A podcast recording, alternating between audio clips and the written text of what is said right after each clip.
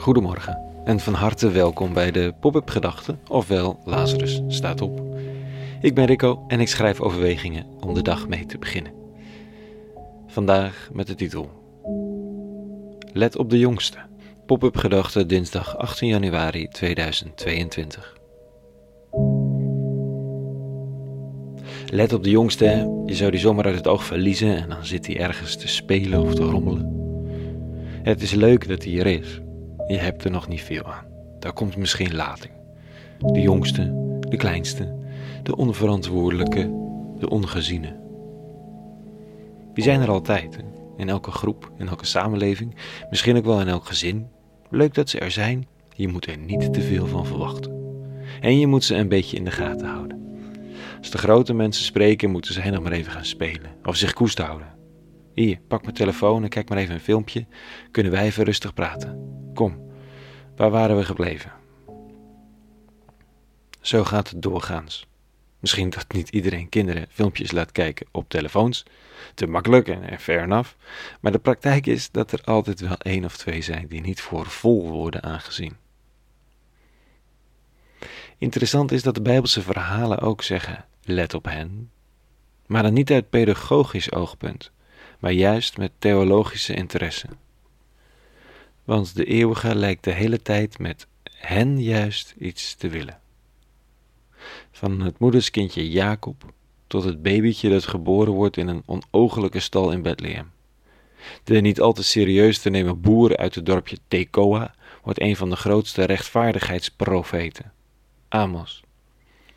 Het vaderskindje Jozef redt de hele boel, net als de prostituee op de muur van Jericho. En die wordt ook nog eens de overgrootmoeder van koning David. En David zelf? We lezen vanochtend.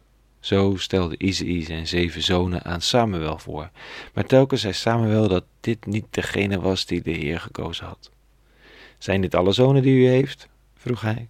Nee, antwoordde Isaïe. De jongste is er niet bij, die hoedt de schapen en de geiten. Toen zei Samuel tegen Isaïe, laat hem hier komen. We beginnen niet aan de maaltijd voordat hij er is. Isaïe liet hem halen. Het was een knappe jongen, met rossig haar en sprekende ogen.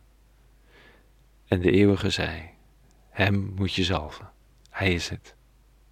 Samuel nam de hoorn met olie en zalfde hem te midden van zijn broers. Let op de jongste, papa Isaïe. Wist hij veel? Hij had het jochie bij de schapen en de geiten gelaten. Iemand moet dat doen, terwijl de mensen die het toe doen samen eten met de priester. Blijkt dat jochie de grootste koning van de hele geschiedenis te worden. Let op de jongste.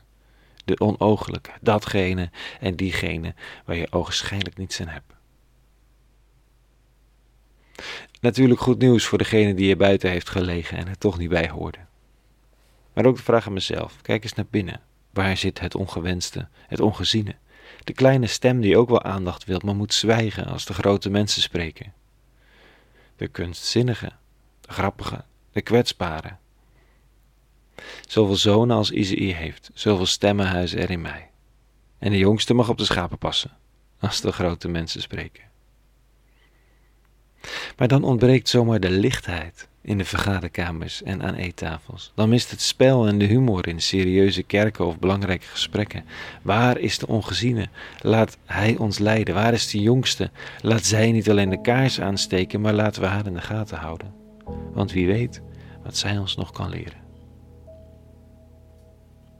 Heel lang heb ik het artistieke, het speelse, het dwaze en onmogelijke niet serieus genomen.